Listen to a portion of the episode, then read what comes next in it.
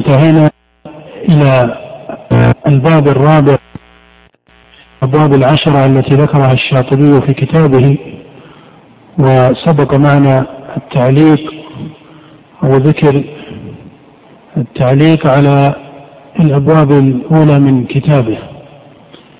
هذا الباب عن الباب الرابع تضمن جملة من المسائل المسألة الأولى تكلم فيها الشاطبي عن منهج الاستدلال أو لك أن تقول كأن هذا الباب بعامة مسائله هو كلام عن منهج الاستدلال وتطبيقاته عند المخالفين للسنة فإنك تعرف أن الأقوال والأحكام هي نتائج لمقدمات فإن القول أو الحكم هو نتيجة لمقدمة سابقة. المقدمات هي ما نقصده بالأدلة أو بطريقة الاستدلال أو ما إلى ذلك. فإذا تحصل قول عند أهل السنة والجماعة فلا بد أن هذا القول إنما جاء عن استدلال. وإذا تحصل قول عند أي طائفة من طوائف المسلمين أو عند أي معين من الناس فلا بد أن هذا القول جاء عن وجه من الاستدلال أو التقليد لمن استدل فهو عن الأقوال من حيث هي لا بد لها من استدلال سابق.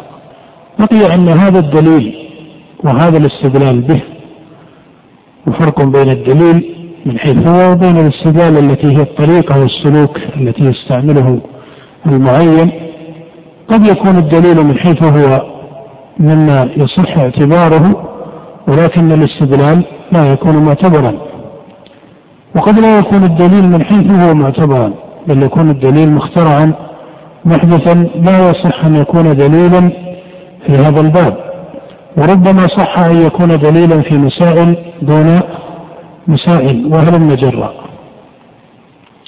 وتعرف أن الأصل الذي بنى عليه أهل السنة والجماعة ما يتعلق بمسائل أصول الدين وأصول السنن هو أنهم يبنون قولهم على الكتاب والسنة والإجماع. فهذه الأصول الثلاثة هي الأصول المحكمة في الاستدلال.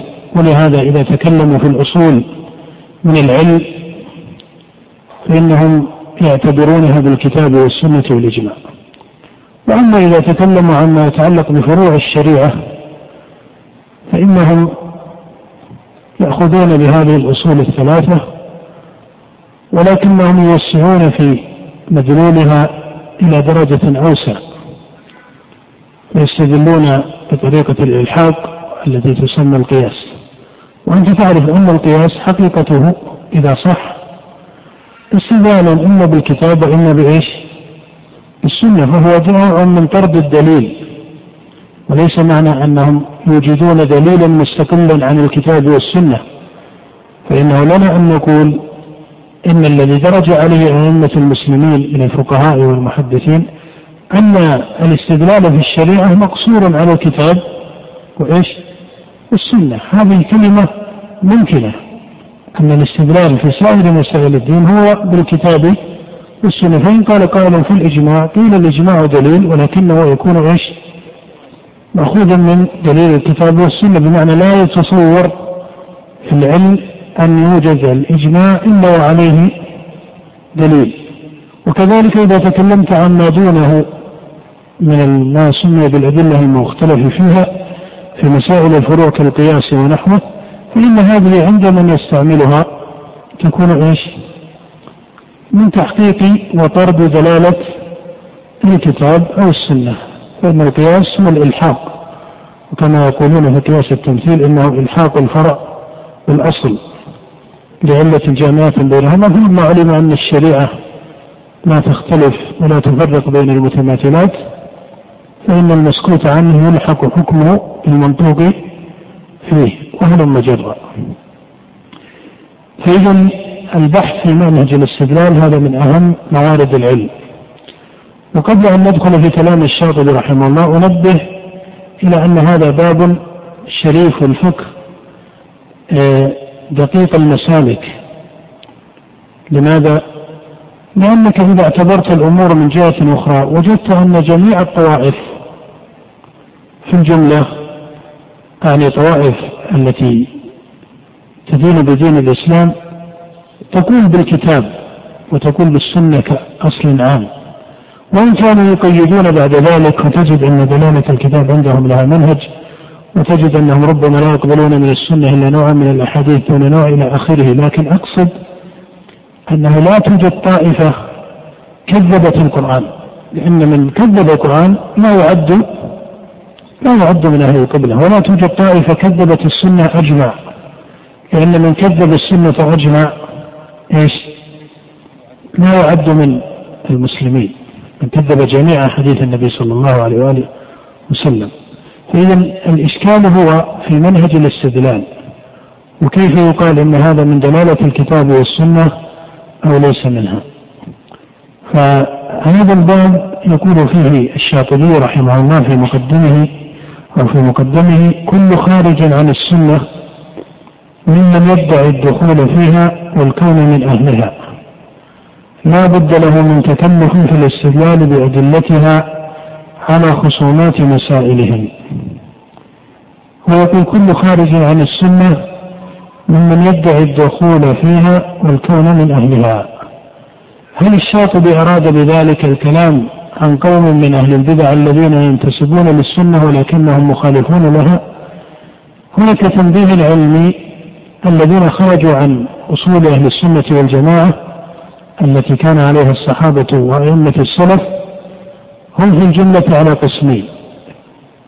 منهم من لا ينتحي السنة والجماعة أي لا ينتسب إلى السنة والجماعة. وهؤلاء كما يسميهم الإمام ابن تيمية رحمه الله بأنهم أهل البدع المغلظة يعني الذين شدوا واشتدوا في المخالفة لمنهج الصحابة رضي الله تعالى عنهم. فهؤلاء لا ينتسبون أصلا للسنة والجماعة وإنما ينتسبون لطائفة مختصة بأصول معروفة أو باسم معروف. والقسم الثاني وهم القوم الذين ينتسبون للسنة والجماعة ولكنهم مخالفون لأصول من أصول الأئمة التي مضى فيها الإجماع عند الصحابة والقرون الفاضلة التي فضلها النبي صلى الله عليه وآله وسلم في الحديث الذي رواه عمران بن الحصين وهو حديث ثابت عند الشيخين في مخرجه في الصحيحين. فإذا أهل البدع ينقسمون في الجملة إلى قسمين منهم من ينتسب أو منهم من لا ينتسب للسنة والجماعة ومنهم من ينتسب للسنة والجماعة ويذم البدع المغلظة وأهلها ولكنه يقع هو في جمل من هذه المخالفات أو ما هو من الأصول أيضا. ولا شك أن الدرجة الثانية أكثر قربا إلى السنة والجماعة من الدرجة الأولى ولهذا ليس كل ما قيل في الدرجة الأولى وأصحابها يصح أن يقال إيش؟ في الدرجة الثانية بل حتى الدرجة الأولى أهلها على درجات أو مراتب وكذلك الدرجة الثانية أصحابها على مراتب. وإن كان طالب العلم ليس مكلفا في خاصة في ابتداء نظره أن يتتبع هذه المسالك بالتفصيل ومن المقصود أن يعرف أصول الأحكام الشرعية في هذا الباب والقائمة على العلم والعدل واتباع المنهج الوسط الذي لا إفراط ولا تفريط فيه. لكن المقصود هنا أن الشاطبي رحمه الله يقول كل خارج عن السنة ممن يدعي الدخول فيها والكون من أهلها. فهل أراد رحمه الله أن يتكلم عن الدرجة الثانية؟ أم أنه أراد أن يتكلم عن الدرجتين معا؟ هو في معرض كلامه هنا تكلم عن الدرجتين كحقيقة علمية. فما معنى أنه يقول من يدعي ذلك؟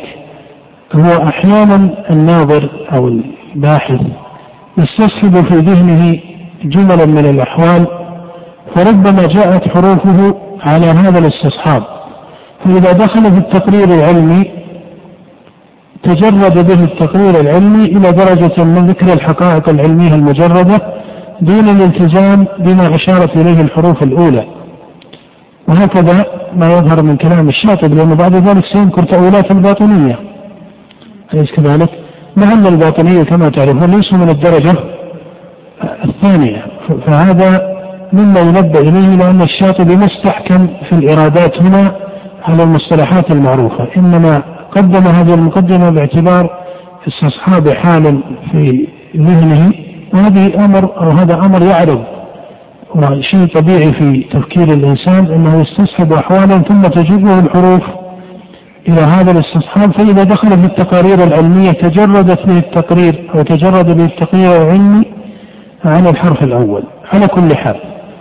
يقول هؤلاء المستدلين لم يبلغوا مبلغ الناظرين فيها بإطلاق أمور نبه الشاطبي حقيقة إلى أن ثم ثمة غلطا من وجهين أو ثلاثة في منهج هؤلاء الذين وصفهم الشاطبي بأنهم ينتسبون ويدعون السنة وليسوا من أهلها. قال إنهم يغلطون من ثلاثة وجوه.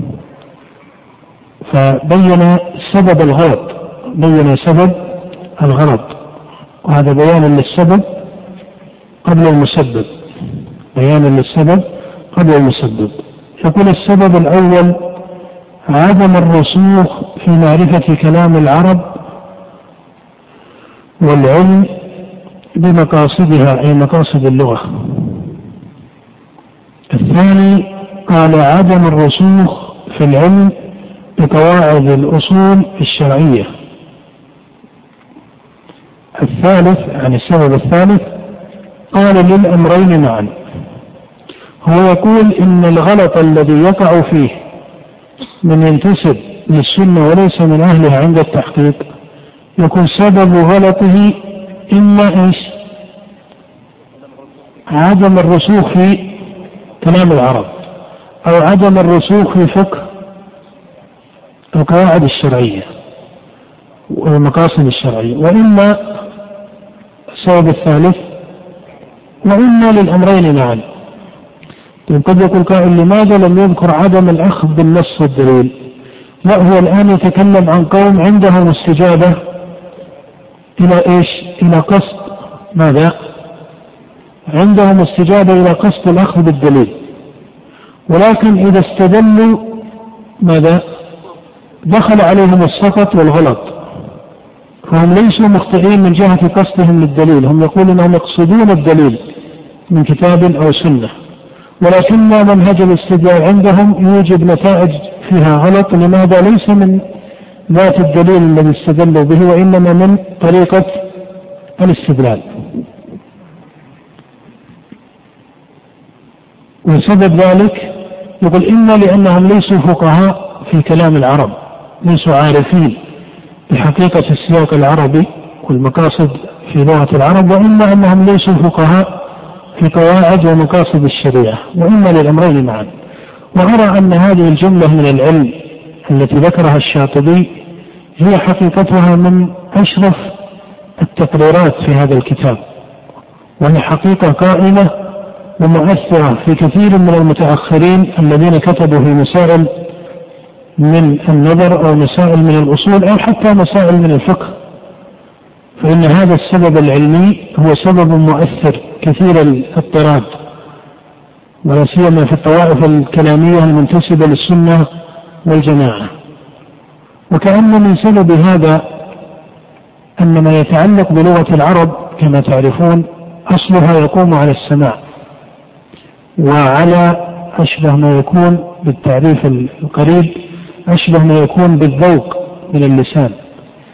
فلما دخلت العجم وفتحت البلاد واختلطت الألسنة آه، أو تداخلت الألسنة إلى حد ما ربما أدق من كلمة أنها اختلطت بقي ما يتعلق بلسان العرب ينظر فيه على وجهين.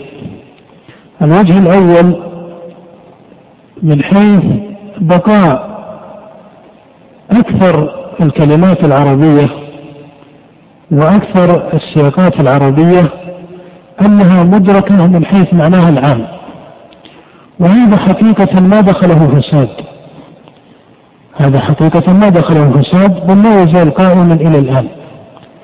أن الإدراك البسيط للمعنى العربي في كثير في أكثر السياقات أو على قول تقدير في كثير منها وفي أكثر السياقات من كلام الله ورسوله أن الإدراك البسيط أي هو الإدراك العام للمعنى هذا لا يزال إيش؟ لا يزال قائما. بقي الإدراك للمعاني التي تتضمنها اللغة من حيث السياق المعين وكيف يقيد هذا السياق المطلق بما يقيده من اللغة وهذا العام بالمخصص والمجمل متى يحمل على متى يفصل بهذا المفصل وهل هذا مفصل له أم أن الأصل بقاء على إجمال أو ما إلى ذلك إذا اللغة من حيث هي ما يتعلق بكلماتها وسياقها يعني لغة العرب يمكن أن نقول إنها من حيث هي الكلمات والسياق على وجهين، الوجه الأول لم يزل ولله الحمد باقيا. والله جل وعلا لما جعل كتابه وهو كتاب الخاتم وجعل النبي الخاتم نزل عليه الوحي بلسان العرب فإن هذه اللغة لا بد أن تبقى محفوظة حفظا مجملا يعني الحفظ المجمل لماذا نقول ذلك؟ لأن بعض الذين كتبوا في هذه المسائل من بعض أهل العلم وهذا يقرر بعض أهل العلم الآن أو بعض طلبة العلم الآن أن اللغة فسدت والحقيقة أن وصف اللغة بأنها فسدت أرى أن هذا الوصف فيه تكلف. أرى أن هذا الوصف فيه تكلف. والدليل على ذلك أن العرب من الناس الذين ينطقون بكلمات العرب ولا سيما من كانت أصولهم عربية مع أنه دخلت العامية كثيرا على لغتهم وهذا لا جدل فيه وصار اللحن فاشيا فيهم هذا أيضا لا جدل فيه. لكن إذا تكلمنا عن الإدراك العام فتجد أن من يقرأ القرآن الآن من عوام المسلمين الذين هم عرب من حيث الأصل لم يتكلفوا اللغة بالتعلم أو ما إلى ذلك. تجد أن أكثر موارد القرآن المعنى الإجمالي يفهمونه أو لا يفهمونه. يعني لما يقول الله تعالى وسارعوا إلى مغفرة من ربكم وجنة عرضها السماوات والأرض المعنى العام هو مفهوم. لما يقول الله جل وعلا مثلا ذلك الكتاب لا ريب فيه المعنى مفهوم الكتاب بمعنى هذا القرآن. لا شك فيه. لما يقول الله جل وعلا يوصيكم الله في أولادكم المعنى العام إيش؟ يدرك لما يقول النبي عليه الصلاة والسلام مثلا من كان يؤمن بالله واليوم الآخر فليقل خيرا أو ليصمت المعنى هنا إيش؟ مفهوم ما وصلت الأمور إلى إيش؟ إلى كما يقال فسدت اللغة بحيث أصبح لا يفسر للعوام كلام الله أو كلام رسوله عليه الصلاة والسلام إلا بمعجم وبمنظر من أهل اللغة وبما إلى ذلك فأنا أرى أن هذه الدرجة ينبغي أن لا نشكك فيها وأن لا نبالغ في فرض الخطأ فيها بل هذا من عصمة دين المسلمين ومن عصمة قيام دينهم وحفظ كتابهم أن مجمل اللغة إيش؟ أن مجمل اللغة إيش؟ في الجملة محفوظ لا يزال باقيا على ألسنة العامة والقصد بالحفظ وأن اللغة كلها محفوظة عند التحقيق لكن محفوظ بمعنى أنه شائع في نطق الناطقين به. وخاصة في الأقاليم أو البلاد التي أهلها عرب من حيث الأصل.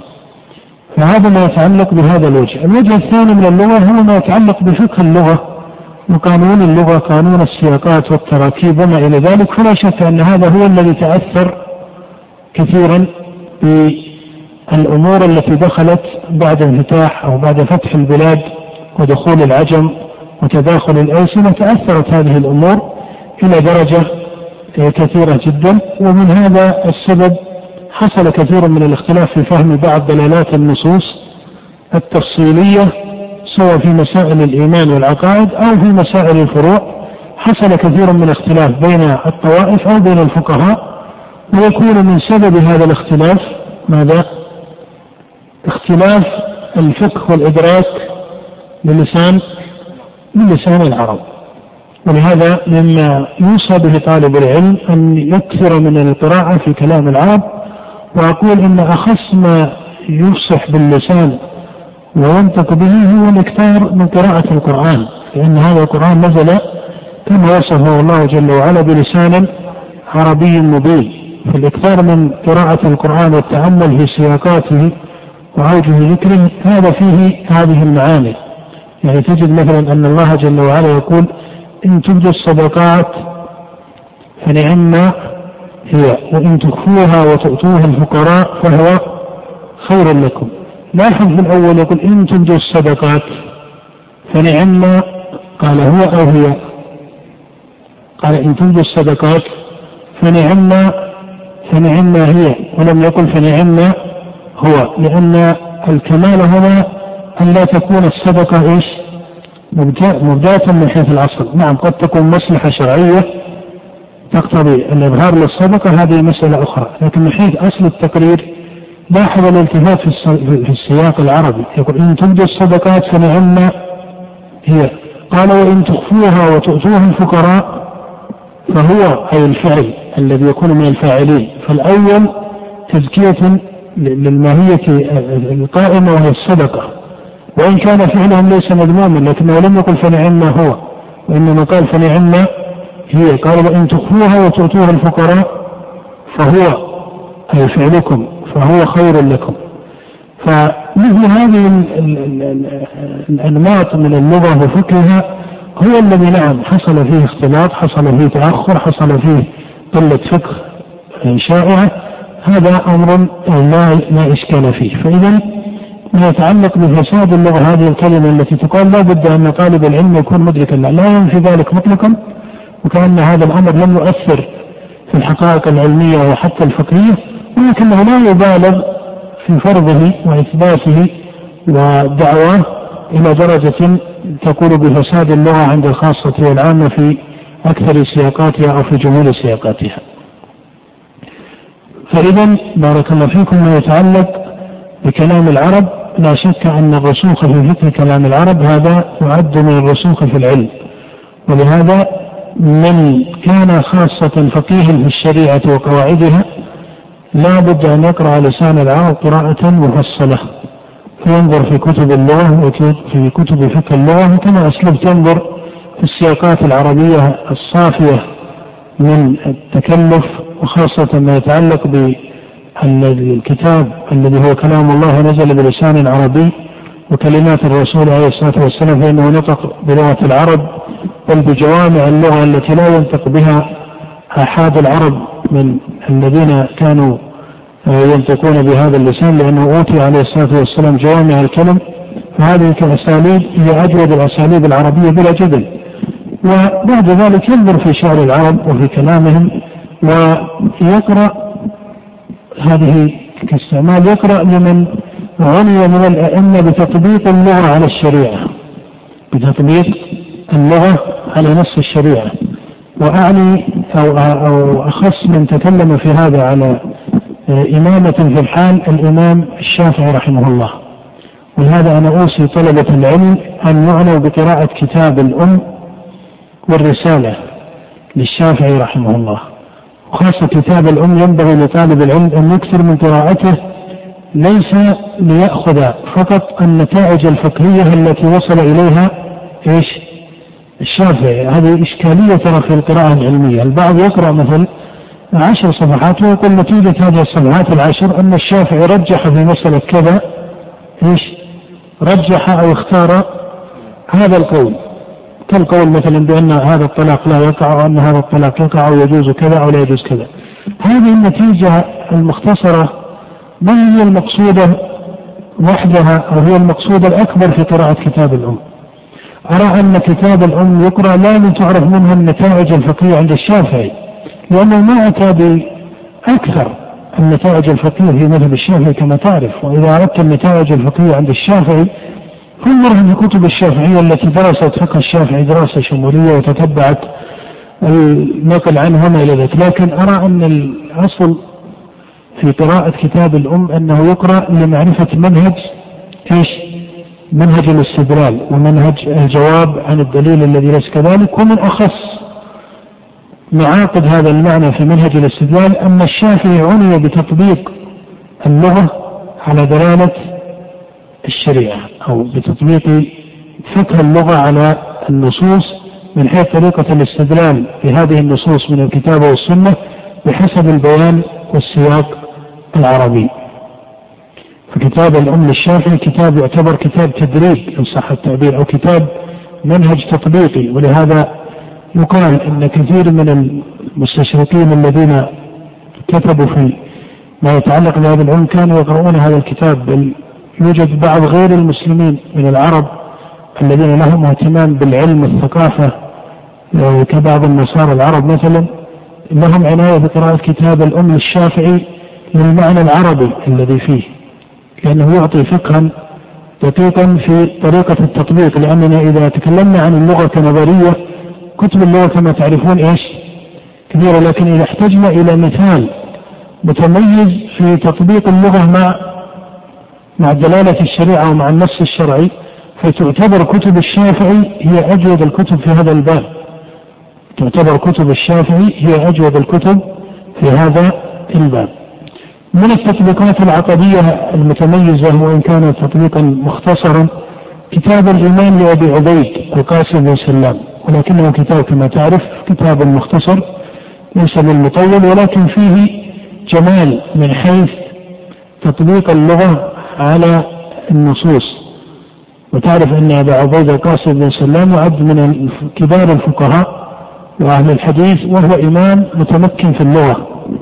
ولهذا أرى كذلك أن رسالته هذه وهي رسالة مختصرة ينبغي لطالب العلم أن يقرأها لا ليعرف كما قلت قبل قليل ليعرف إيش؟ جملة النتائج ماذا يقول أهل السنة وماذا يقول المرجع الغلاة والرواة هذه كنتيجة سهلة. أهل السنة يقولون الإيمان قول وعمل المرجع يقولون قول واعتقاد ولا عمل الغلاة يقولون تصديق أو علم محض. هذه نتائج سهلة تلخص.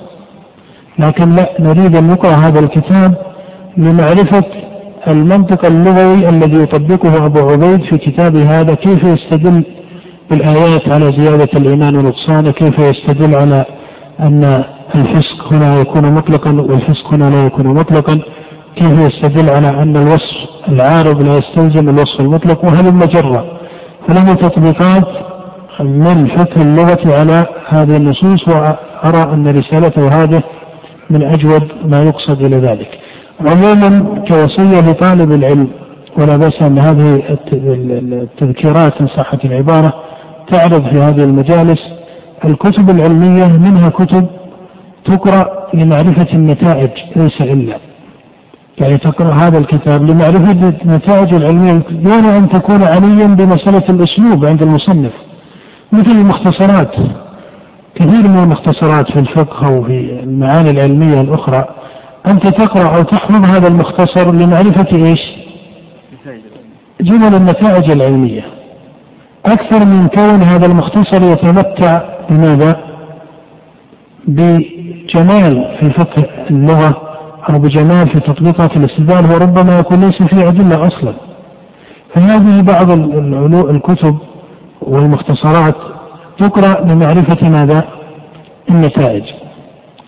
بعض الكتب تقرأ وجمالها من حيث أنها كتب جمعت فهي كتب جامعة لكنها لا تعنى بالتحقيق لكن إذا أردت جمعا في هذه المسألة فتقصد إلى مثل هذه الكتب التي غلب عليها مادة إيش؟ الجمع للعلم. وهذا في كل العلوم أو ما تسمى بالفنون موجود. كتب ما هي محققة ولكن غلب عليها مادة الجمع فهي حسنة من هذا الوجه. وثمة كتب ثالثة تقرأ لجملة من المعاني ومن أخص المعاني التي يقرأ فيها أنها كتب تبني الملكة العلمية لطالب العلم. تبني الملكة العلمية لطالب العلم. إن ملكة اللغة كما أشرنا في كتاب الشافعي ملكة الفقه كما أيضا يوجد في كلام الشافعي أو في كلام غيره من كبار الفقهاء تبني ملكة العقل والتفكير والقياس الذي يمكن ويصح والذي لا يمكن ولا يصح. مثل كتب شيخ الإسلام ابن تيمية رحمه الله فإنها تجعل ما يتعلق بالقياس والعقل ومراتب التفكير تجعلها أمام يعني تطبيق متميز من عالم محقق. لا يتجافى عن دلالة العقل والقياس مطلقا ويتكلف في إبطالها وهجرها ولكنه أيضا لا ينجر مع دلالة العقل والقياس إلى درجة من التأويل للنصوص أو ما إلى ذلك تجد أن منهجه رحمه الله يكون وسطا. يعني مثلا من يقرأ في درء تعارض العقل والنقل هو لا يقرأ الكتاب من أجل أن يحصل إيش على نتائج علمية مجردة فقط. أهم في قراءة هذا الكتاب أن يقرأ مع معرفة النتائج لكن يقرأ لمعرفة إيش؟ منهج التطبيق يعني العلاقة بين النقل والعقل. مثل ما تقول الآن تقرأ كتاب الشافعي لتحاول أن تفهم العلاقة بين اللغة وبين إيش؟ وبين الشريعة. تقرأ درى تعارض العقل والنقل لتعرف العلاقة بين العقل وبين الشريعة. ترى مثل هذه القراءات إذا كان القارئ لها يعني أعطاها الله ذكاء ابتداء هي التي تبني الملكة العلمية عند طالب العلم. فك العلاقات بين العلوم.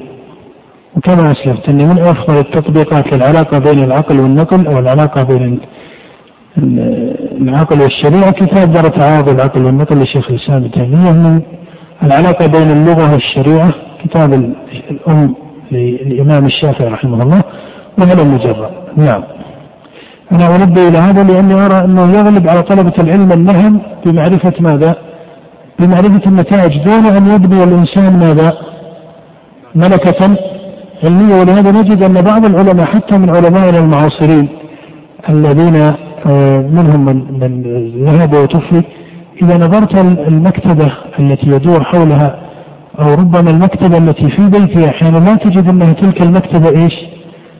الممتلئة بآلاف الكتب بل تجد أن تركيزهم على كثير من الكتب التي عنيت ببناء الملكة العلمية ولهذا إذا جرى به الزمن على مثل هذا المنهج الأصيل والقويم تجد أنه يصبح في درجة من عمره إذا استوى علمه يصبح فقيها في المسائل. تجد أنه يصبح فقيها في المسائل وتجد أن فقهه هذا ليس رجوعا إلى نتيجة نص عليها فلان أو فلان من أهل العلم كنتيجة معينة وإنما هي فقه استوعبه وإنما هو فقه استوعبه. ويحكى أن ابن قتيبة صاحب اللغة سئل عما كتبه من هذا الجمال اللغوي هو من السابقين. أخذه أم أنه شيء اخترعه. فقال هو كلام السابقين يعني من أهل اللغة غاب ثم فاض يعني دخل في في نفسه واستوعبه وفي عقله وفي مكونات تفكيره. قال غاب أي كأنه دخل في داخل ذهنه وتفكيره. قال ثم فاض أي ظهر بتنظيم ابن قتيبة وسياقه. قال فليس هو إياه وليس هو ليس هو إياه وليس هو غير هذا العلم الذي كان عليه أو الكلام الذي كان عليه من سبق من أهل اللغة. فكذلك طالب العلم أهم ما يكون اليوم العناية ببناء الملكة العلمية. العناية ببناء الملكة العلمية لطالب العلم. طيب إذا قال عدم الرسوخ في كلام العرب وهذا لا شك أنه سبب وجيه قال عدم الرسوخ في معرفة المقاصد. الشرعية وقواعد الشريعة. وهذا أيضا أرى أنه من العلم الذي يفوت كثيرا ليس فقط من خالف السنة من أهل البدع بل يفوت كثير من أصحاب العلم العناية بالسنة. أن فقههم وعنايتهم بمعرفة قواعد ومقاصد الشريعة فيه شيء من آه النقص أو فيه كثير من النقص. ولعل من سبب ذلك أننا إذا سألنا الآن عن كتب القواعد والمقاصد تجد أنها تدور على ربما عدد من الكتب ليس بالكثير كتبها بعض الفقهاء من أصحاب المذاهب الأربعة التي نظموا بها أو نظموا بها القواعد الفقهية المقولة عندهم. ولا شك أن هذه الكتب لها آه، قدرها ووقارها لكنها ليست هي التي تعبر وحدها عن الفقه هذا الأصل العظيم. الفقه هذا الأصل لا يكون إلا بتتبع كلام الله سبحانه وكلام رسوله والعناية بالمقارنة بين أوجه العلم في القرآن وأوجه العلم في الحديث. فهذه هي التي تبني الفقه عن فقه المقاصد القراءة للعلماء المحققين إلى غير ذلك. فهذا سبب أيضا لا شك أن وجيه العناية بقواعد ومقاصد الشريعة. قالوا إما لأمرين معا أي أن هذا يؤثر وهذا يؤثر. ثم بعد ذلك انتقل المصنف إلى مسألة أخرى. إذا هو ذكر من حيث السبب أن إيش؟ نقص في فقه كلام العرب أو نقص في فقه مقاصد ماذا؟ الشريعة أو للأمرين معا.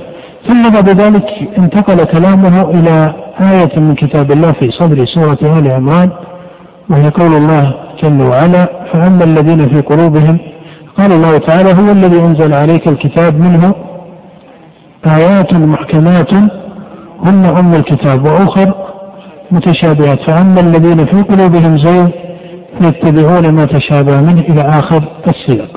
هنا وصف للآيات أو للكتاب بأن منه ما هو محكم وما هو متشابه. وترى أن في كتاب الله آيات أخرى وصفت القرآن بأن جميعه محكم كتاب أحكمت آياته. ووصف القرآن بأنه إيش؟ متشابه. فالإحكام العام معناه كما قال أهل العلم وهو معنى مدرك بالفطرة والإدراك العام أي بالفطرة الإسلامية أنه محكم بمعنى أنه لا اختلاف فيه ولا تضاد فيه بل يصدق بعضه بعضا. وكذلك وصفه بأنه متشابه أي أن أحكامه متوافقة يشبه بعضها بعضا ويقارب بعضها بعضا فلست تجد أن هذا الكتاب تكون أحكامه متباينة. بل هو متقارب الحكم متشابه الدلالة متشابه السياق. ولهذا قلنا إن الشريعة لا تفرق بين المتماثلات. وبهذا تجد أن الوصف المحكم العام والوصف بأنه متشابه بسياق عام تجد أن الوصفين يصدق إيش؟ يصدق بعضهما البعض الآخر يصدق بعضهما البعض الآخر فلا تنافي بينهما بل لك أن تقول إن هذا الإحكام العام يتضمن إيش؟ التشابه العام والتشابه العام ماذا؟ يتضمن الإحكام العام فهما معنيان متفقان وإن كان هذا أخص بدلالة عن هذا السياق وهذا السياق أخص بدلالة هذا لا إشكال فيه. بقينا في هذه الآية من سورة آل عمران ولا سيما أنها تبعها حكم وهو قول, وهو قول الله جل وعلا فأما الذين في قلوبهم زيغ فيتبعون ما تشابه منه. هذا هذا السياق مؤثر يعني أعطيت حكم أو أعطت الآية حكما وهي قوله وهو قوله فأما الذين في قلوبهم زيغ فيتبعون ما تشابه منه. تعرفون أن المفسرين وأهل النظر تكلموا كثيرا في هذه الآية. تكلموا كثيرا في هذه الآية. تكلموا في المحكم ما هو والمتشابه ما هو وتعرفون أنه عرضت أقوال يعرف أنها باطلة كوصف نصوص الصفات بأنها من المتشابه الذي يترك ولا ينظر فيه وما إلى ذلك. هذه الآية على كل تقدير وهذا السياق من سورة آل عمران فيه أو حصل فيه كثير من النقص في فقهه وكان ينبغي أن أول سؤال يفرض ويجاب عنه جوابا علميا صحيحا وأرى أن هذا السؤال قل من يفرضه ويجيب عليه الجواب الصحيح. أول سؤال يجب أن يسأل هل هذا الوصف بأن هذا الكتاب منه ما هو محكم ومنه ما هو متشابه هل يمكن أن يكون أحد الوص... أحد هذين الوصفين من حيث هو أي من حيث هو الوصف. مذموما الآن وصف القرآن هو الذي أنزل عليك الكتاب منه إيش؟ منه آيات محكمات. إذا ثمة آيات محكمات. قال وأخر أو آيات أخرى إيش؟ وأخر متشابهات. هل يمكن أن نقول أو يقول قائل أن هذين الوصفين أو أن أحد هذين الوصفين من حيث هو يعد من أوصاف الذنب الجواب لا هذا أمر بدني ولا يجوز الجدل فيه إذا وصفه بأن منه محكم يقول هذا وصف إيش؟ هذا الوصف من حيث هو مدح وأن منه متشابه هذا الوصف من حيث هو أيضا يعد ماذا؟ يعد مدحا لماذا؟ لأن هذا هو القرآن.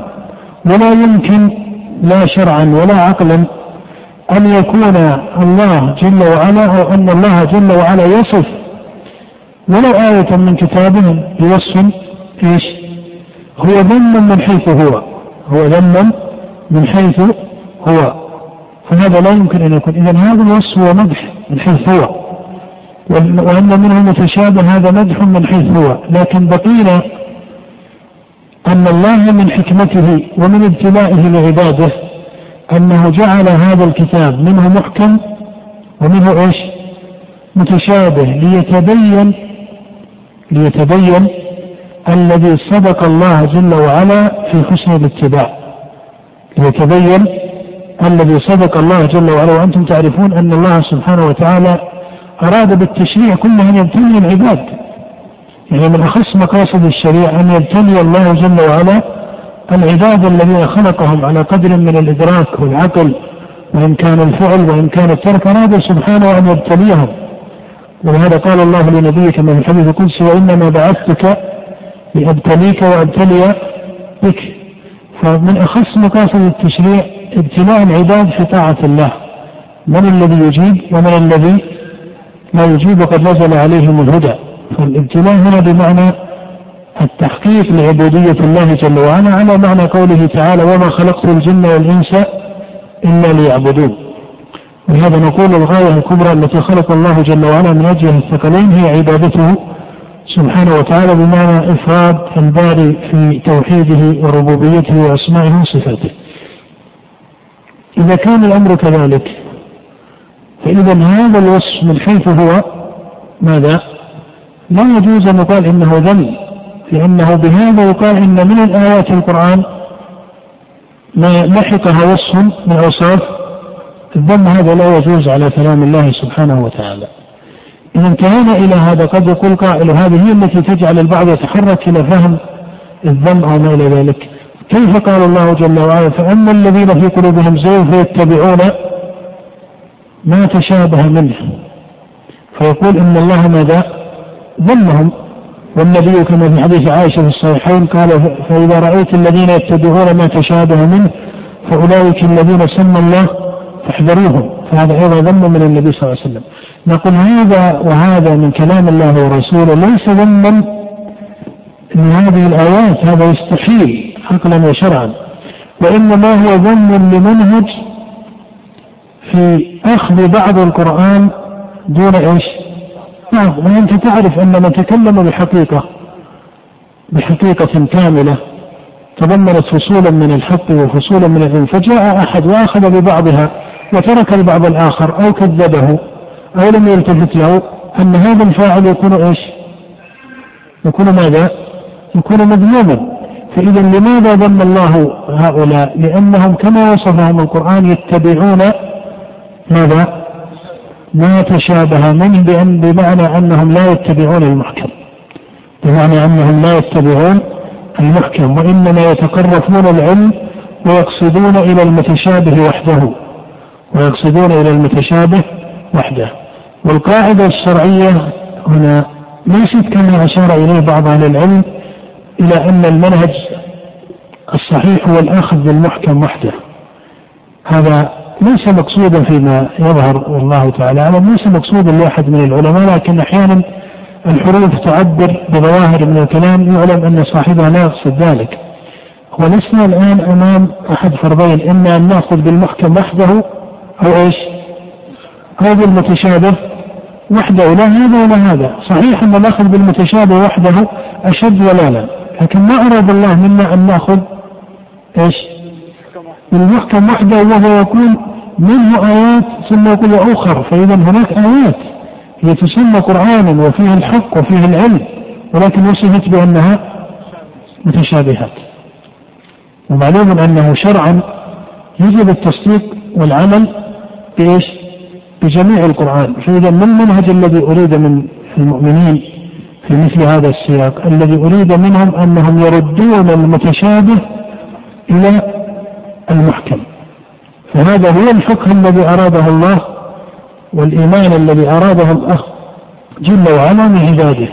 ولهذا قال النبي عليه الصلاة والسلام في دعائه لابن عباس اللهم فقهه في الدين وعلمه التأويل وأصدق التأويل للقرآن أن يكون صاحبه فقيها في رد المحكم إلى ما عفوا في رد المتشابه إلى المحكم.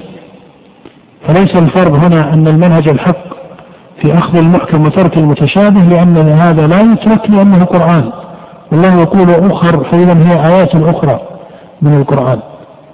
وإنما الصواب أنه يقصد بهذا المتشابه إلى المحكم. فإذا أدخل على المحكم أحكمه وضبطه وفسر التفسير الصحيح المناسب.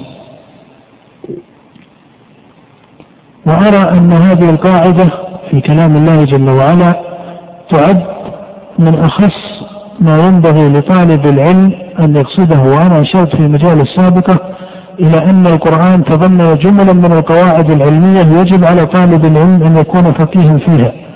من أخصها أن الله حرم القول عليه أو حرم القول بلا علم عموما وحرم القول عليه بلا علم خصوصا.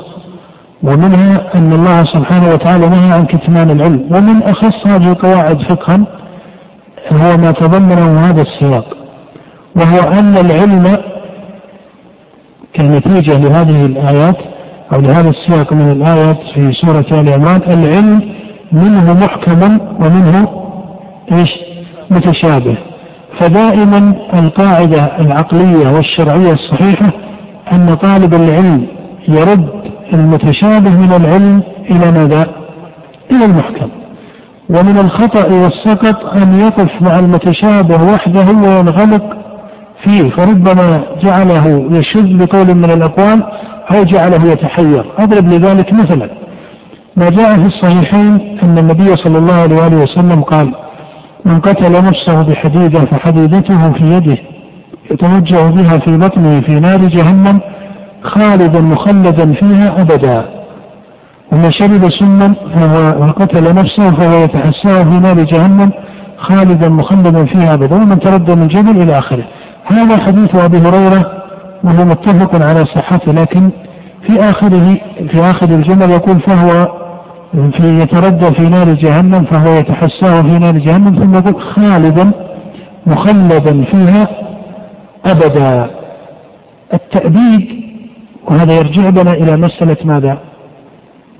إلى مسألة فقه سياق كلام العرب. تبادر إلى من فقه اللغة فقها نظريا أو جمع اللغة جمعا نظريا أن العرب إذا أبدت تعني إيش؟ تعني السرمدية والدوام. مع أن دائما كلام العرب ترى يفقه بحسب السياقات. الكلام هو اللفظ المفيد وهو السياق المركب وليس الجملة المجاءة أو عفوا الكلمة المجردة المفردة. وإن كانت الكلمة يفقه دلالتها من حيث أنها مشتركة أو ليست مشتركة في اللغة هذه على كل حال إشارات ثانية. لكن لا يصح لأحد أن يقول هذا حديث فيه التأبيد لمن قتل نفسه. فربما شذ فقال قولا يخالف الإجماع أن المسلم لو قتل نفسه يكون مثل الكافر. هذا قول كما تعرفون مخالف لمن مخالف لإجماع الصحابة مخالف لإجماع السلف. وهذا فيه مادة من أقوال الخوارج. لأن الذي يعبد في النار بمعنى السرمدية هم من هم الكفار الذين كفروا بالله ورسله. وأما المسلمون المؤمنون فإنه مهما حصل عليهم أو حصل منهم من المعاصي والإثم فإنهم لا يعبدون في النار. فإذا هذا الحديث لو قال قائل إن هذا الحرف فيه متشابه فنقول المتشابه يرد إلى إيش؟ هذا الحرف المتشابه يرد إلى المحكم ما دام أن عندنا نصوصا متواترة واجماعا قائما ونصوص كما سمعت متواترة من الكتاب والسنة واجماعا قائما منعقدا أنه لا يخلد في النار ابدا إلا من كفر بالله ورسوله. فيقال هذا الحرف من الحديث تشابه لفظه فيرد إلى الأصول المحكمة ويفسر بها.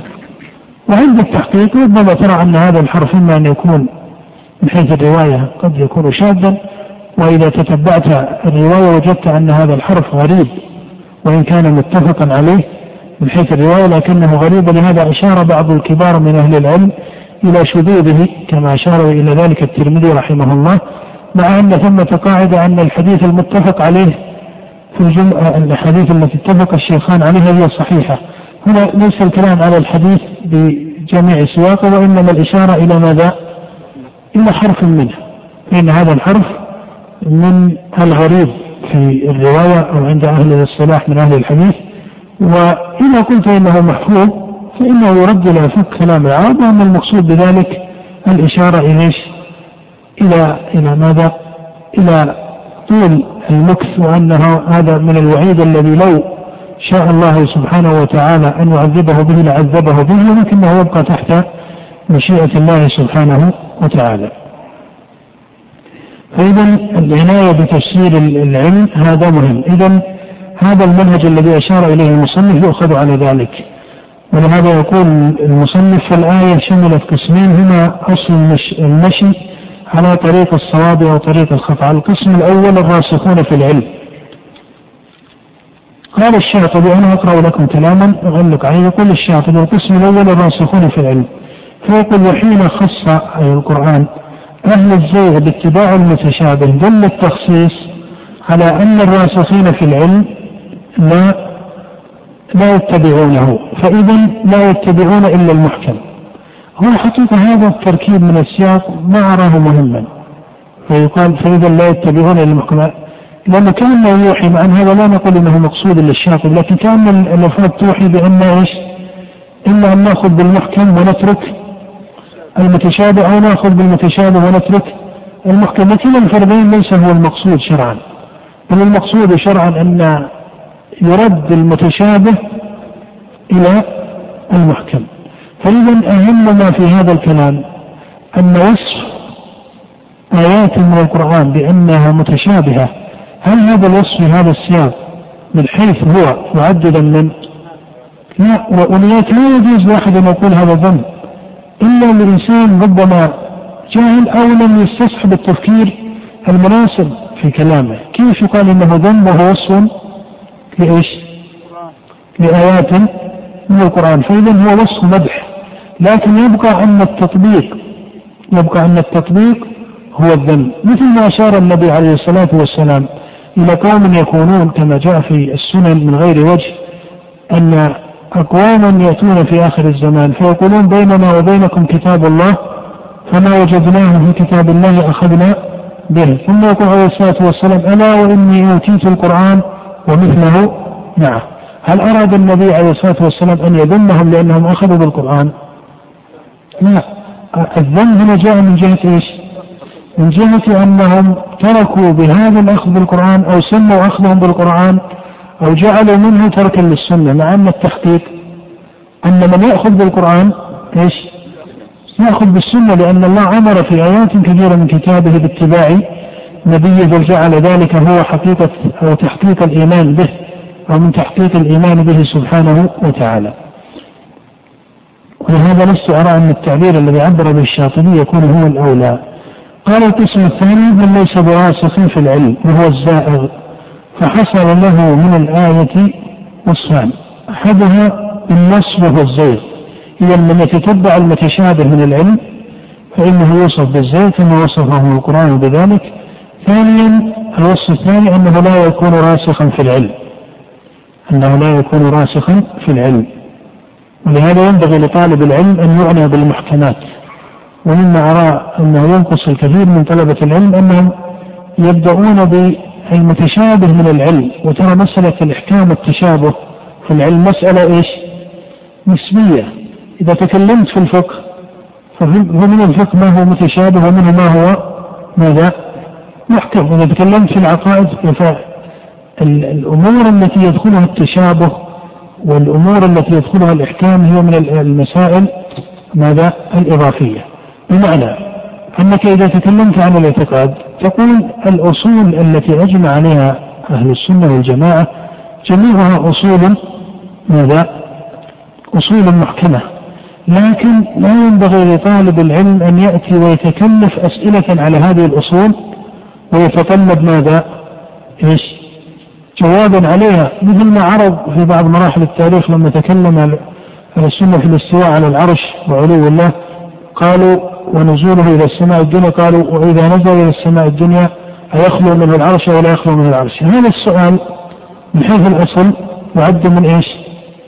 من التكلف ومن فرض المتشابه والدعاء المتشابه على هذه الأصول لأن بهذا يزل العامة وربما زل بعض الخاصة في الإجابة عن هذا السؤال وإلا يعلم أن عند التحقيق أنه ما من سؤال يسأله أحد إلا وفي الشريعة جواب عليه لكن أحيانا بعض الأسئلة تكون مزلة أقدام من حيث الجواب عليها فلا يتتبع المتن ومثل في الفقه يتتبع الطالب المحكم من المسائل ولهذا أرى أنه يغنى بمعرفة المسائل التي عليها إجماع المسائل التي عليها أقوال الأئمة الأربعة المسائل التي عليها أقوال الجماهير المسائل التي شاع فيها الخلاف ثم بعد ذلك تأتيه الرتبة الثانية في معرفة الدقائق من هذا العلم.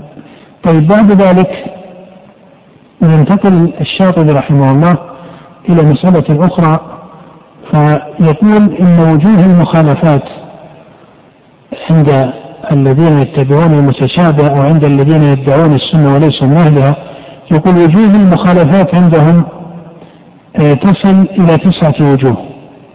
سينبه المصنف هنا إلى المبررات التي يتكئ عليها من يخرج عن السنة إلى البدعة. يقول من يخرج عن السنة إلى البدعة.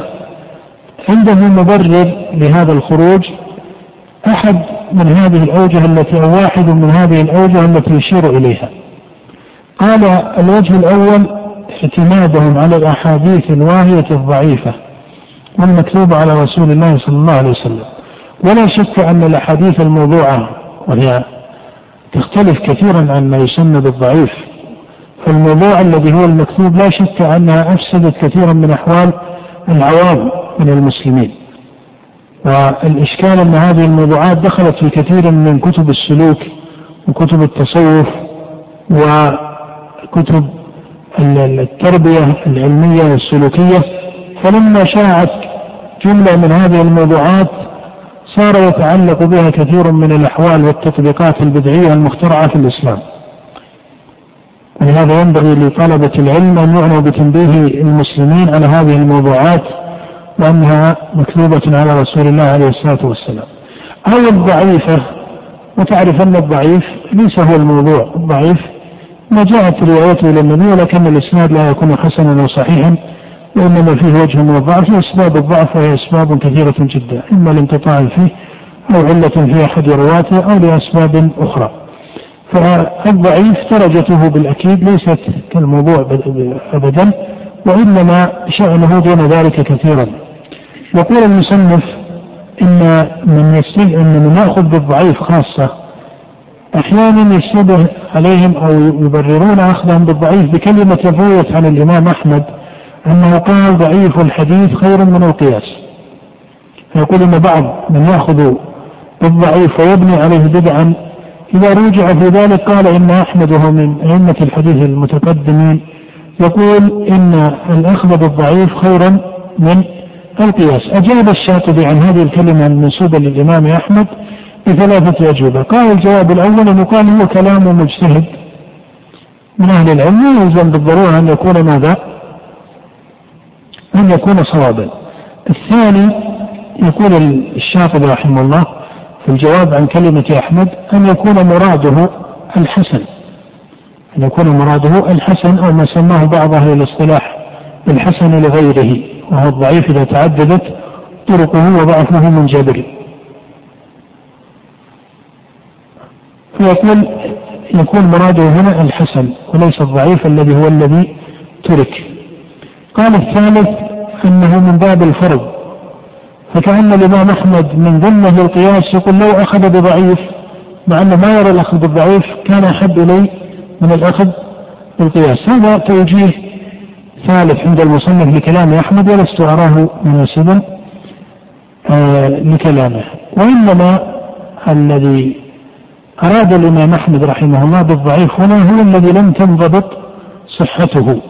ففي نفسه يعني في نفس أحمد وأمثاله من كبار المحدثين في نفسه منه شيء. وهو الذي سماه كثير من المصطلحين من انتظم الاصطلاح بالحسن بالحسن لغيره. وأما الضعيف الذي هو بين الضعف فإن أحمد وأمثاله من المحدثين ما كانوا يقصدون إلى الأخذ به. ولهذا أرى أن من حكى عن المتقدمين من المحدثين كأحمد وابن معين وابن المديني وأمثال هؤلاء أن بينهم خلافا في الأخذ بالضعيف والعمل به أرى أن هذا الفرض من الخلاف فيه تكلف. فإنما الذي رخص من رخص فيه هو ما كان ضعفه منجبرا ولا يكون أصلا في الاستدلال وإنما يكون مقارنا في الاستدلال. ما معنى لا يكون أصلا؟ يعني يكون من شواهد دليل المسألة. يكون من شواهد دليل المسألة. لا تجد أنهم يبنون أصلا علميا أو حكما علميا مميزا على حديث إيش؟ على حديث ضعيف وإنما يكون هذا من شواهد الحكم. وليس في كلام أحمد رحمه الله ما يشكل. قال الثاني أي من يأخذ بالضعيف من الحديث ربما برر أخذه به. الأول قال بكلمة أحمد قال الثاني أنه يجد جملة من العلماء نصوا على جواز الأخذ بالضعيف في فضائل الأعمال. وهذه جملة نعم عرضت في كثير من كتب المصطلح وكتب الأصول أنه يجوز الأخذ بالحديث الضعيف في إيش؟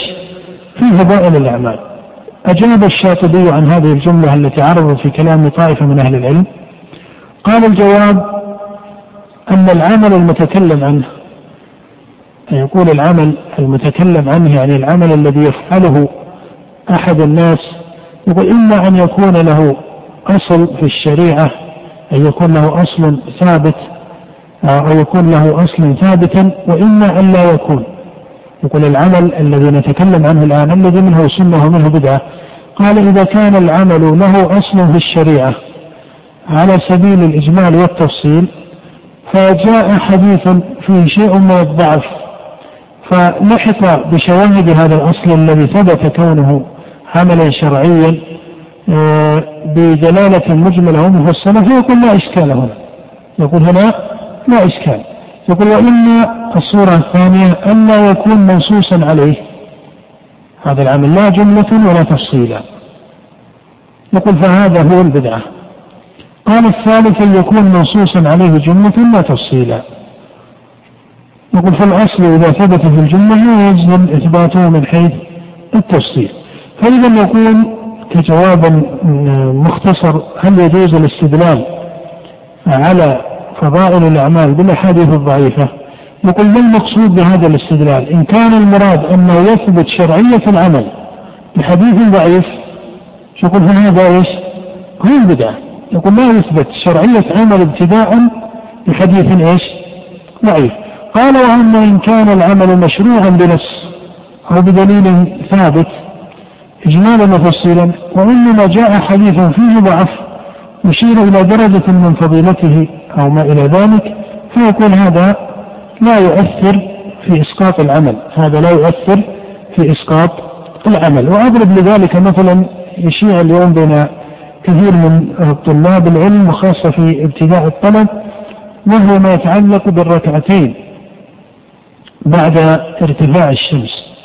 فإنه جاء في الحديث الذي رواه الترمذي من صلى الصبح في جماعة ثم جلس في مصلاه يذكر الله ثم صلى حتى تطلع الشمس ثم صلى ركعتين كان له كأجر حجة تامة تامة تامة أو قال كعمرة تامة تامة.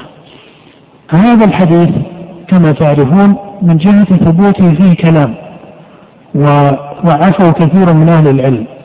النتيجة هنا ليس أن يقال إنه حسن أو ضعيف. إذا فرضنا أن الراجح هو القول بتضعيفه هل يلزم من ذلك أن يقال الجلوس بعد صلاة الصبح بذكر الله أو ومن ذكر الله القراءة للقرآن إلى أن تطلع الشمس ثم صلاة الركعتين لا يكون مشروعا؟ بمعنى من كان يفعل ذلك يندب إلى تركه أو يقال هذا ليس من السنة التي تقصد أو ما إلى ذلك؟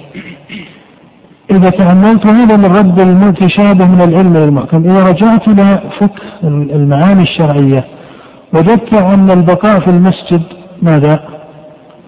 عموما البقاء في المسجد عمارة بيوت الله بذكر هذا مشروع. في بيوت أذن الله أن ترفع ويذكر فيها اسمه.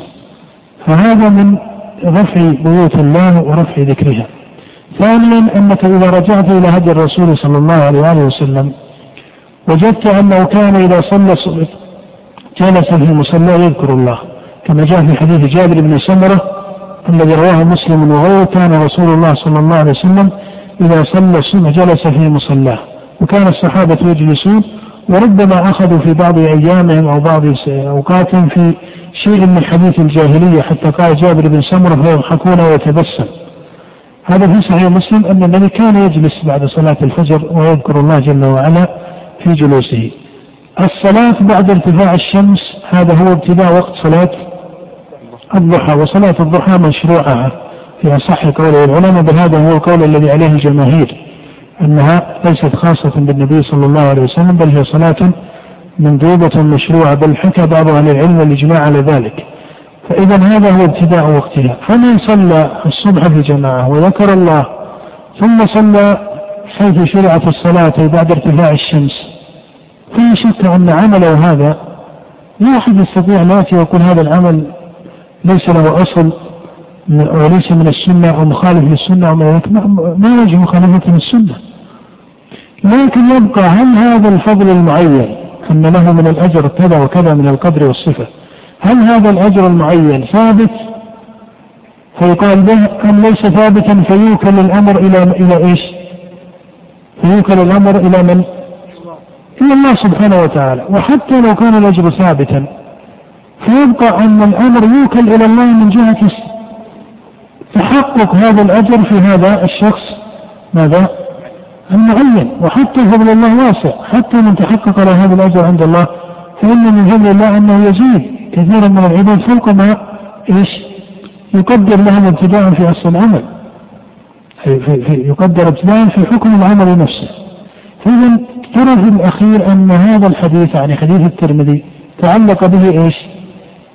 ذكر صفة الأجر وقدره. وهذا أمر إلى الله. لأنه يعلم بالقطع والإجماع أن العمل المشروع له عند الله له ثواب وليس له ثواب. كل عمل مشروع فله ثواب عند الله. سواء علمنا صفة هذا الثواب أو لم أو لم والله جل وعلا في الصيام قال الصوم لي كما في الحديث القدسي الصوم لي وأنا أجزيه فالعلم بتفاصيل الأجر هذا من العلم المجمل حتى إذا ثبت لا يقطع به على الأعيان. بل تطبيقه في الأعيان أمر يتعلق بعلم الله وحده سبحانه وتعالى. فإذا آه هذا من يصلح مثالا لما نشير إليه في هذا الكلام. فإذا الحديث في فضائل الأعمال لا شك أن باب فضائل الأعمال أخص والذي قصد به أو قصده المحدثون من المتقدمين ما يتعلق بصفات الأجر وما إلى ذلك. أما أن أحد من قدماء المحدثين كانوا يرخصون في الضعيف الضعيف الذي ليس حسنا وإنما الضعيف بمعنى المتروك يرخصون فيه في سن أعمال شرعية في باب الفضائل هذا ليس منهجا. هذه هذه جملة ونتيجة علمية نعرفها.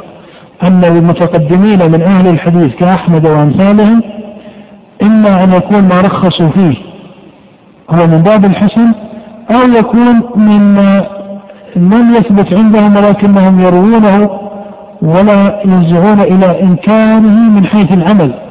إلى إنكاره لأنه لا يتعلق به عمل خاص فيكون العمل من حيث الثبوت قد ثبت بأدلة شرعية ماذا؟ صحيحة. إذا لا أحد من قدماء المحدثين يجوز العمل بالضعيف الذي بمعنى المتروك والمردود أن يبتدأ به عمل.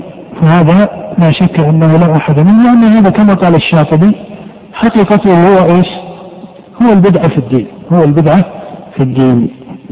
قال السبب الثاني أنهم ردوا الأحاديث التي جرت يعني أن من أهل البدع من رد الأحاديث التي جرت آه، على غير الموافقة لأغراضهم ومذاهبهم ويدعون أنها مخالفة للعقول. يقول فربما هذه أوجه في ردها. قال ربما قدحوا في الرواة من الصحابة. وهذا منهج كما تعرفون بين الضلال القدح في الصحابة رضي الله عنهم. قال وذهبت طائفة منهم إلى تركها بحجة أنها من أخبار الآحاد إلى أنها من أخبار الآحاد. وأنتم تعرفون أنه شاع عند كثير من النظار وأهل الأصول وأهل مصطلح الحديث من المتأخرين أن السنة تنقسم إلى متواتر وآحاد. ونقول هذا المصطلح نطق به بعض المتقدمين كالشافعي رحمه الله ولكن الإشكال هنا ليس في المصطلح نفسه لأن الأصل أنه لا مشاحة في الاصطلاح لكن الإشكال في المعاني. الشاطبي وأمثاله لما قالوا المتواتر قصدوا بالمتواتر مستفاض. فالأحاديث التي استفاضت وتلقاها أهل العلم بالقبول سموها إيش؟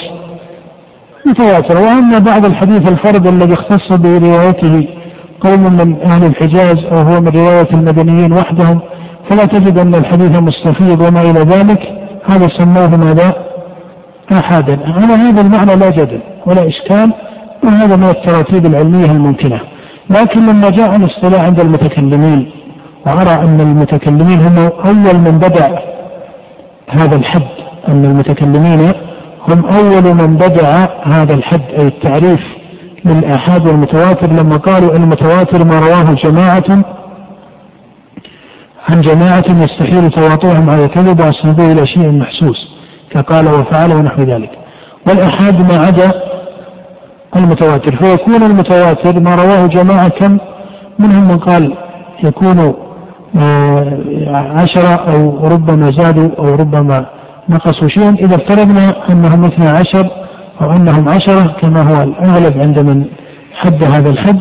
فإذا قلت أنهم عشرة فمعناها الحديث لا يكون متواترا إلا إذا رواه عن رسول الله عليه الصلاة والسلام كم عشرة من صحابته ويرويه عن كل صحابي عشرة فتكون الطبقة الثانية مئة ويرويه عن كل واحد من المئة ماذا؟ عشرة فتكون الطبقة الثالثة هذا التكلف في النظام لا شك أنه مخترع والذي تكلم بهذا الحد لا أقول بالمصطلح بين انه ما يعرف إيش؟ ليس عليما ليس عليما بإيش؟ بالرواية ليس عليما برواية السنة لأنك لو أردت أن تطبق هذا الحد بهذا النظام لم يتحصل لك إلا ربما على قدر من التكلف أحاديث يسيرة يصدق عليها أن تكون متواترة بهذا الاصطلاح وهذا الحد.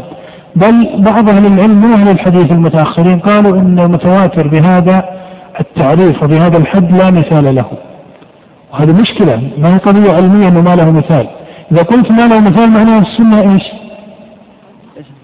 السنة ماذا؟ كلها أحد.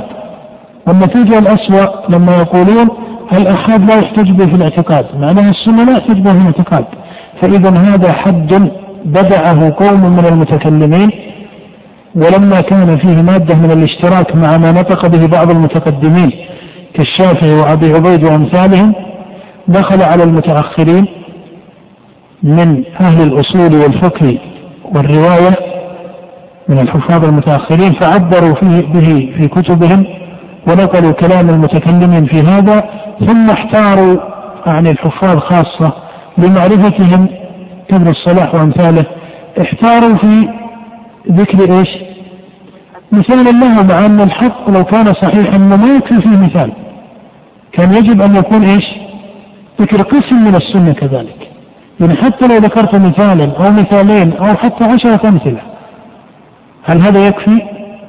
لا يكفي لأن معناها أن ما هو أن أن السنة المضبوطة كما يقولون القطعية والتي تفيد العلم ويحتج بها كما يعبر المتكلمون في كتبهم. ومع الأسف أنها نقلت في كتب أصول الفقه وفي بعض الكتب المتأخرة من كتب المصطلح معناها أنه ما ثبت من السنة على هذا الوجه إلا مثال أو آه، مثالان أو ثلاثة أو ما إلى ذلك. والأسوأ كما قلت أن من الحفاظ من يقول إنه إيش؟ لم ينضبط له مثال. ولهذا بعض الحفاظ إذا أورده ولم يستطع التمثيل له دخل يخفف في شروطه. فيقول لا يلزم التواتر في كل الطبقات لا يلزم. إذا خففت بالشروط متى تدخل على هذا التفكير؟ يعني أصلا لماذا تبني معنى ليس صحيحا ثم تحاول إيش؟ أن تعدل فيه. كان ينبغي أن لا يكون هذا الحد سائغا. ولهذا نقول أن هذا حد مبتدع في الإسلام ليس له أصل. بل السنة يمكن أن نقول إنها متواترة وإيش؟ وأحاد والسنة روايتها ليست درجة واحدة بإجماع المحدثين هذه أمور معروفة. والحديث منه ما هو متفق على صحته ومنه ما هو دون ذلك وأوجه الرواية مختلفة. منها ما استفادت رواية الرجال من الصحابة والرواة له ومنه ما يكون غريبا ومنه ما يكون ما سمى بالمصطلح عزيزا وما إلى ذلك بمعنى أن من السنة ما رواه واحد ومنها ما رواه اثنان ومنه ما رواه ثلاثة وأكثر وعشرة وما إلى ذلك. فإذا هذا لا إشكال فيه. وأيضا درجات الدلالة. درجات الدلالة أيضا مختلفة. هذه كلها من المعاني العلمية التي تقبل وهي معاني صحيحة. لكن محل المؤاخذة هو أن يقال المتواتر ما يرويه عشرة أو ما رواه جماعة جمع المعنى يرويه عشرة من الصحابة عن كل واحد من العشرة حتى يكون متواترا يرويه كم؟ عشرة فتكون الطبقة الثالثة بألف وإذا تدرجت إلى طبقة رابعة لابد تكون الطبقة الرابعة بعشرة آلاف ثم يأتي من يأتي من أهل الحديث أنفسهم الذين اشتغلوا فيقولون هذا لا مثال له طيب الإشكال الثاني أنهم يقولون المتواتر نتائجه كالتالي أنه يفيد القطع والآحاد يفيد إيش؟ الظن المتواتر يعمل به في العقائد الآحاد لا يعمل به في العقائد إذا سنكون أمام نتائج أخيرة أن السنة في أغلب مواردها إيش؟ لا يحتج بها في ماذا؟ في العقائد وهذا مشكل معناه أن الرسول ما وصلت رسالته التي أوحيت إليه غير القرآن إلى عقائد الناس من المسلمين إذا هذا حد استعر أن له هذا هو حد دخل مثل قانون تعارض العقل والنقل هو حد دخل على هذا العلم يعني علم الحديث من قبل علماء الجدل والكلام فينبغي أن يقيد عليه هذا المأخذ العلمي. قال ثالثا تخرصهم على الكلام في القرآن والسنة. آه هذه أشار إليه مسألة عدم الفقه في لسان العرب. الرابع قال انحرافهم عن الأصول الواضحة إلى اتباع المتشابه. وأشار المصنف هنا إلى التأويل وذم التأويل. وأنتم تعرفون أن التأويل آه هو كلفظ أو كحرف جاء في القرآن والتأويل في كتاب الله سبحانه وتعالى تارة يراد به التفسير وتارة يراد به الحقيقة لكن التأويل الاصطلاحي هو صرف اللفظ عن ظاهره إلى تأويله أو عن الحقيقة إلى المجاز هذا دخل في كتب مدارس المتكلمين وقابله منهج آخر ما يسمى بالتفويض. والمصنف هنا كلامه في هذه أو في هذا الموضع ليس بذلك الكلام المنضبط لأنه تداخل عليه الكلام في التأويل وتكلم كنتيجة أفضل إلى التفويض. فكلامه هنا ليس منضبطا خاصة آه، أنه سبق الإشارة إلى أن المصنف مال إلى التفويض في بعض كلام له كجواب عن هذه الإشكالات مع أن التفويض عند التحقيق ليس منهجا لأهل السنة. عن الأئمة من الصحابة والتابعين والقدماء وإنما التفويض هو منهج عارض أضيف أو نسب إلى أهل السنة أو إلى السنة وليس هو كذلك عند التحقيق. فهذا من المآخذ في كلام المصنف آه، الإشارة إلى مسألة التفويض وما إلى ذلك. خامسا قال اتباع المتشابه آه، في أخذ المطلق قبل النظر في المقيد. وفي العام قبل النظر في المخصص وهذا المجراء؟ هذا أيضا معنى بين. قال سادسا تحريف الأدلة عن موضعها بأن يذكر الدليل في غير مناطه ومسألة التحريف كلمة آه، تامة في المعنى ولهذا لست أرى أن طالب العلم يعبر عن الأخطاء بأنها من التحريف إلا إذا وصلت الأمور لمعاني علمية شديدة كالتأويلات الغالية. التي ابتدعت في الإسلام وما إلى ذلك وأما الأخطاء التي تعرض لبعض الصالحين أو لبعض المجتهدين في العبادة أو بعض من ينتسبون للسنة فهذه وصفها بالتحريفات هذه آه، كلمة آه، شديدة في الحكم ولكن هذا الوصف يكون مناسبا لمن استحكم بأصول البدع وغلوا فيها فربما يكون هذا آه، التفصيل مناسبا. السابع قام بناء طائفة منهم الظواهر على تأويلات إلى آخره أشار هنا إلى تأويلات الباطنية وذمها. الثامن قال الغلو في الشيوخ قال إن هذا من أسباب الضلال أن قوم غلوا في شيوخ لهم وفي اتباعهم وفي تقليدهم ولا شك أن مادة التعصب تعد من أكثر المواد التي أثرت في الاتباع والاقتداء لأن الله جل وعلا أراد من عباده المؤمنين أن يكونوا مقتدين ومهتدين أن يكونوا مقتدين مهتدين وما ندب الله إلى اتباع أحد بعينه من الخلق إلا الأنبياء في من تعلق بهم من قومهم ولما جاء النبي الخاتم عليه الصلاة والسلام ما ندب الله أحدا ولا أمر أحدا أن يقتل بمعين إلا بمحمد عليه الصلاة والسلام. وأما آه، غيره عليه الصلاة والسلام فإن الله ندب إلى الاقتداء بمجموعهم. ندب إلى الاقتداء بإيش؟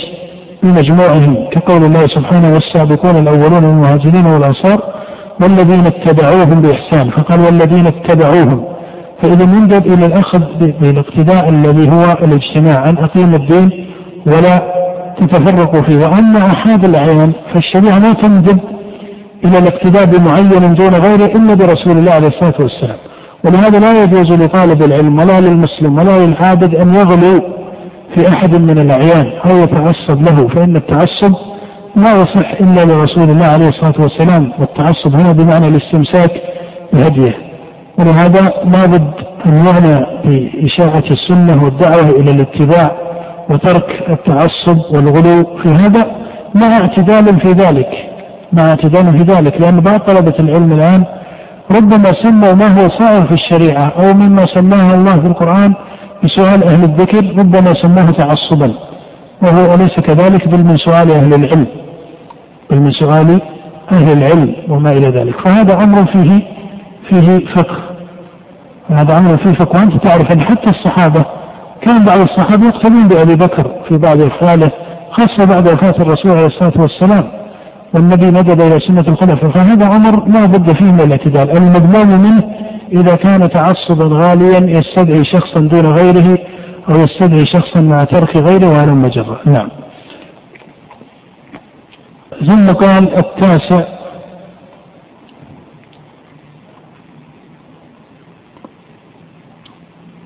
يقول من يحتج على بدعته بما هو من المنامات وهذا مع الأسف عرض في بعض أحوال بعض السالكين والعابدين من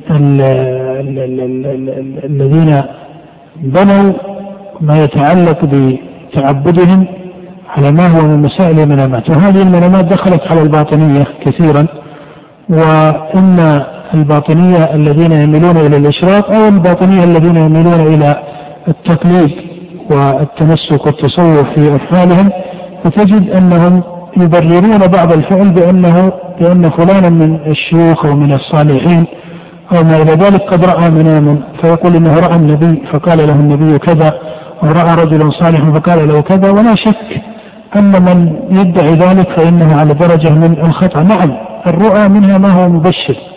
والرؤيا الصالحة جزء من 46 جزءا من النبوة. فهذه أمور ثابتة في السنة. لكن أن المنام يندب إلى عمل ليس له أصل شرعي فلا شك أن هذا مخالف لقول الله تعالى اليوم أكملت لكم دينكم. هذه حقيقة علمية إيمانية بينة عند المسلمين فلا يمكن أن تبتدع بدعة أو ينشأ عمل بحجة منام من المنامات مهما كان الذي رأى المنام ومهما كان الذي رؤي في المنام. ولهذا بعضهم يقول إنه رأى رسول الله عليه الصلاة والسلام فقال له النبي صلى الله عليه وسلم اذهب إلى مكان كذا وكذا وافعل فيه كذا وكذا. يقال هذا من تلبيس الشيطان. لأن الرسول عليه الصلاة والسلام إما أن يكون هذا العمل موجودا في سنته فهو في سنته قبل هذا المنام وإما أن لا يكون هذا موجودا في سنته كالذهاب إلى أمكنة معينة أو ما إلى ذلك لتعظيمه ونحو هذا من البدع فلا شك أن هذا يخالف قول الله جل وعلا اليوم أكملت لكم دينكم ومعنى والدين كمل الواجب منه وحتى إيش؟ وحتى المستحب فكل ما سمي دينا من واجب العمل والقول أو من مستحبه فإن الله قد أكمله بما بعث به رسوله في هذا الكتاب وبما جاء في وحي النبي صلى الله عليه وآله وسلم فتوفي رسول الله والأمة على المحجة البيضاء بمعنى أنه لا نقص فيها ولا شوب بعد ذلك ينتقل المصنف إلى مسألة أخرى تتعلق بتقسيم البدعة إلى بدعة حقيقية وبدعة إضافية تقسيم البدعة إلى بدعة إضافية وبدعة حقيقية كما يعبر. سنتكلم عن هذا التعريف وعن هذا المصطلح وهل هو مناسب أو ليس مناسبا. هذا يأتي إن شاء الله في المجلس القادم إن شاء الله تعالى. ولكن أعتذر إلى الأخوة أن المجلس القادم سيكون في يوم الاثنين غدا لسبب ما لا, لا يكون هناك مجلس. إن شاء الله نستأنف المجلس يوم الاثنين إلى بقية الأسبوع على ما هو معتاد حتى نستكمل إن شاء الله تعالى الكتاب هذا والله أعلم وصلى الله وسلم على نبينا محمد وآله وأصحابه أجمعين.